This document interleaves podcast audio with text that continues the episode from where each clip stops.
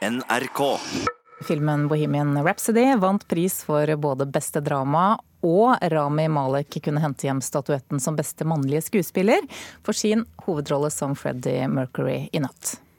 Thank you to Freddie Mercury for giving me the joy of a lifetime. I love you, you beautiful man. This is for and because of you, gorgeous. Jeg elsker deg, vidunderlige Freddie Mercury, sier Rami Malek. Han har fått gode kritikker for tolkningen av Queen-vokalistens liv. Og i natt ble Malek belønnet med Golden Globe for beste mannlige hovedrolle. Filmen Bohemian Rhapsody ble også kåret til beste dramafilm, og det kom litt overraskende på mange. Shallow, a star For Bradley Coopers film 'A Star Is Born', med Lady Gaga og ham selv i hovedrollene, var spådd som en av kveldens store vinnere. Den vant bare pris for beste originalsang. Glenn Close vant Golden Globe for beste kvinnelige hovedrolle for The Wife, et drama basert på en roman av Meg Wolitzer om en kvinne som gjør svært mye for å hjelpe sin mann videre i sin karriere.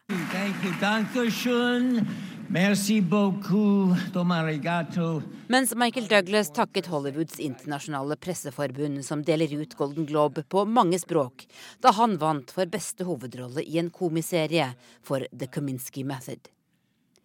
Den serien, der Douglas spiller en aldrende instruktør i Hollywood, ble også kåret til beste komiserie. And the Golden Globe goes to The Americans. Spiondramaserien fra den kalde krigen, The Americans, kjenner mange nordmenn. I sin sjette og siste sesong ble serien endelig nominert og belønnet med en pris. Norske vinnere var det ikke i natt.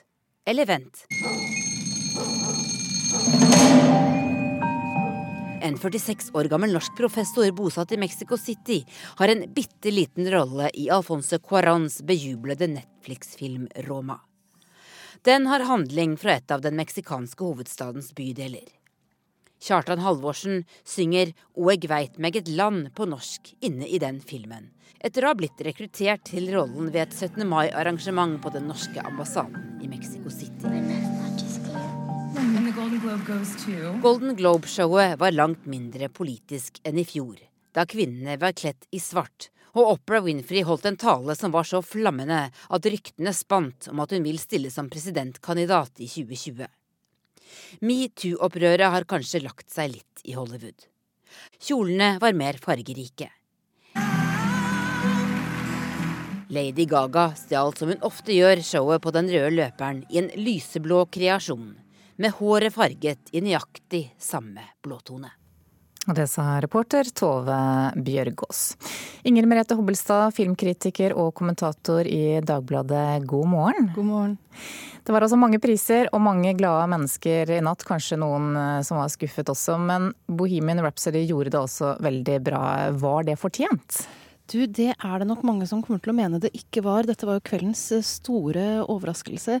Eh, Bohemian Rhapsody har vært en omdiskutert film. Det er ganske mange, Denne forteller jo som nevnt historien som eh, Freddie Mercury, det, om Freddie Mercury, og det er mange som mener at den gjør en del ting feil. Eh, det har med å gjøre rollen den gir denne konserten på Wembley i 1986 eh, som skildres, at den får for stor rolle som et vendepunkt. Det går på at de andre bandmedlemmene fremstilles som karikaturer. Eh, at dette relativt utsvevende sexlivet Mercury levde på slutten av livet sitt, ikke er, kommer helt gjennom slik det var. Han døde jo av eh, aids-relaterte eh, sykdommer etter å ha eh, eh, ja, levd ut det meste han hadde av lyster i de siste årene av livet sitt. Så den har fått en god del eh, kritikk, og det var da The Star Is Born som var den store, store favoritten både foran denne eh, prisutdelingen og eh, foran da Oscar-utdelingen. Der er jo ikke nominasjonene klare ennå.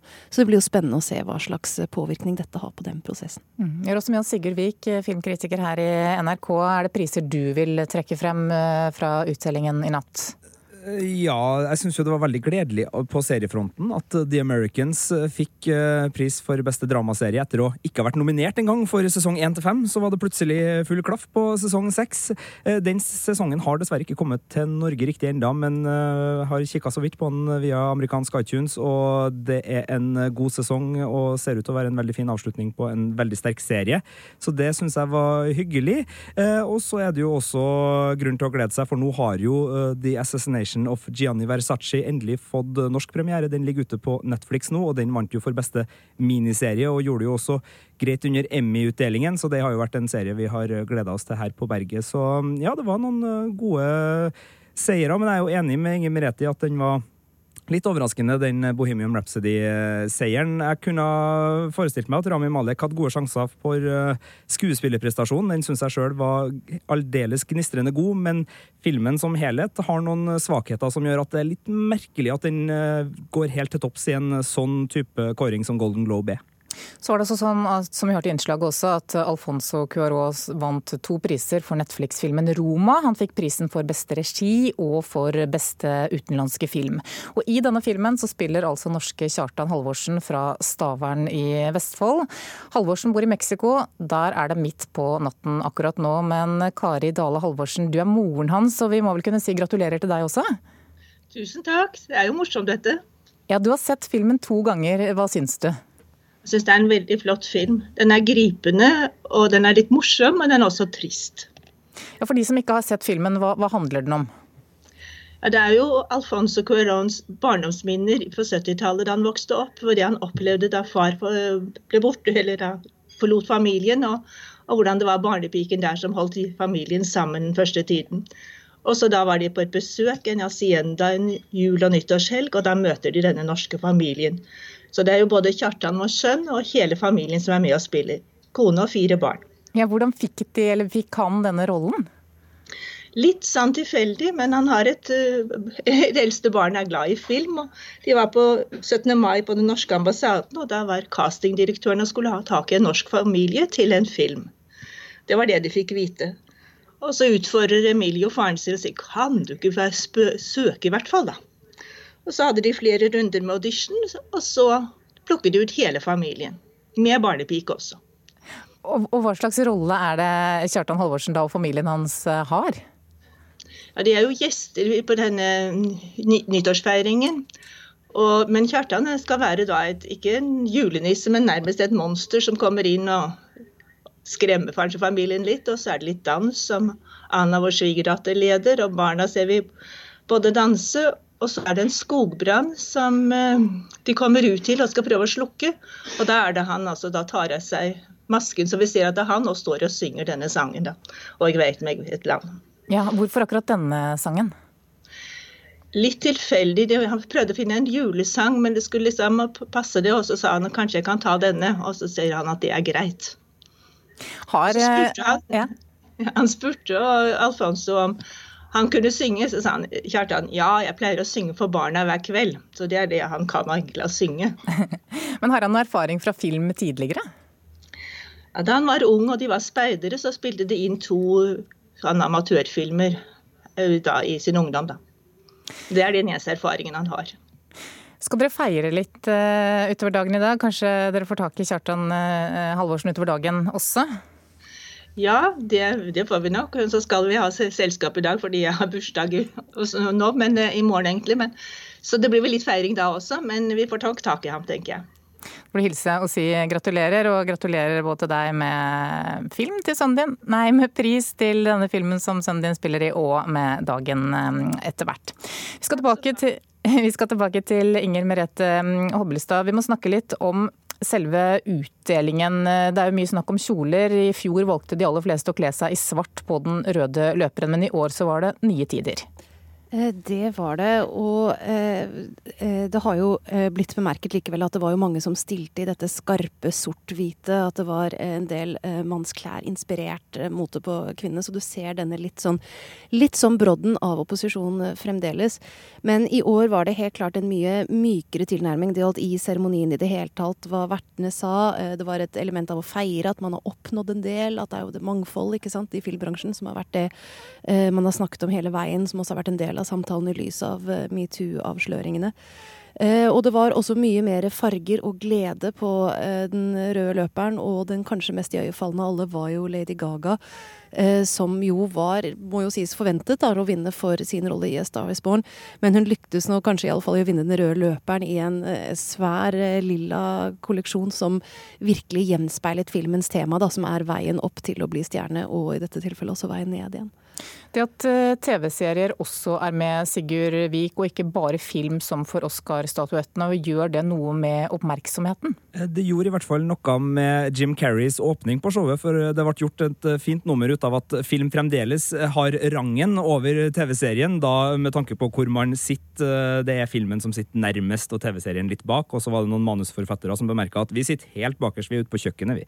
Eh, så det gjør jo at man får det spennende, men det er jo interessante felt som driver og nærmer seg hverandre på mange vis, og Golden Globe har jo vært sånn over tid, og det har liksom alltid fungert, men eh, det blir jo mer og mer interessant, fordi skuespillerne, eh, som Jim Carrey var inne på, jeg er egentlig filmskuespiller. Jeg må jeg, hvorfor må jeg sitte sammen med TV-skuespillerne? Altså, det der er jo i ferd med å viskes ut i enda større grad enn det har gjort uh, tidligere. Så nei, sånn statusen er jo interessant, men det er jo artig når både Emmy og Oscar fremdeles er storesøsken i denne settingen, så, så, er jo Golden Globe den litt farskete lillebroren fremdeles. Jeg syns jo ellers det er verdt å bemerke at politikk fremdeles var svært tydelig til stede. Altså Noe av det som vil bli omdiskutert, var at Christian Bale takket Satan da han mottar prisen sin for rollen i Vice. Altså Der spiller han jo eh, tidligere visepresident eh, Dick Cheney, så det var vel ikke til å misforstå hva han, hva han mente med det. Eh, men et øyeblikk som jo også var ganske rørende, var jo da veteranen Glenn Close eh, mottok eh, prisen for beste skuespiller eh, for sin rolle i The Wife. Og hun sto jo og gråt eh, oppe på scenen og snakket om sin egen mor. Eh, som hadde viet seg eh, til sin familie, og som på slutten av livet betrodde henne at hun ikke følte hun hadde utrettet noe.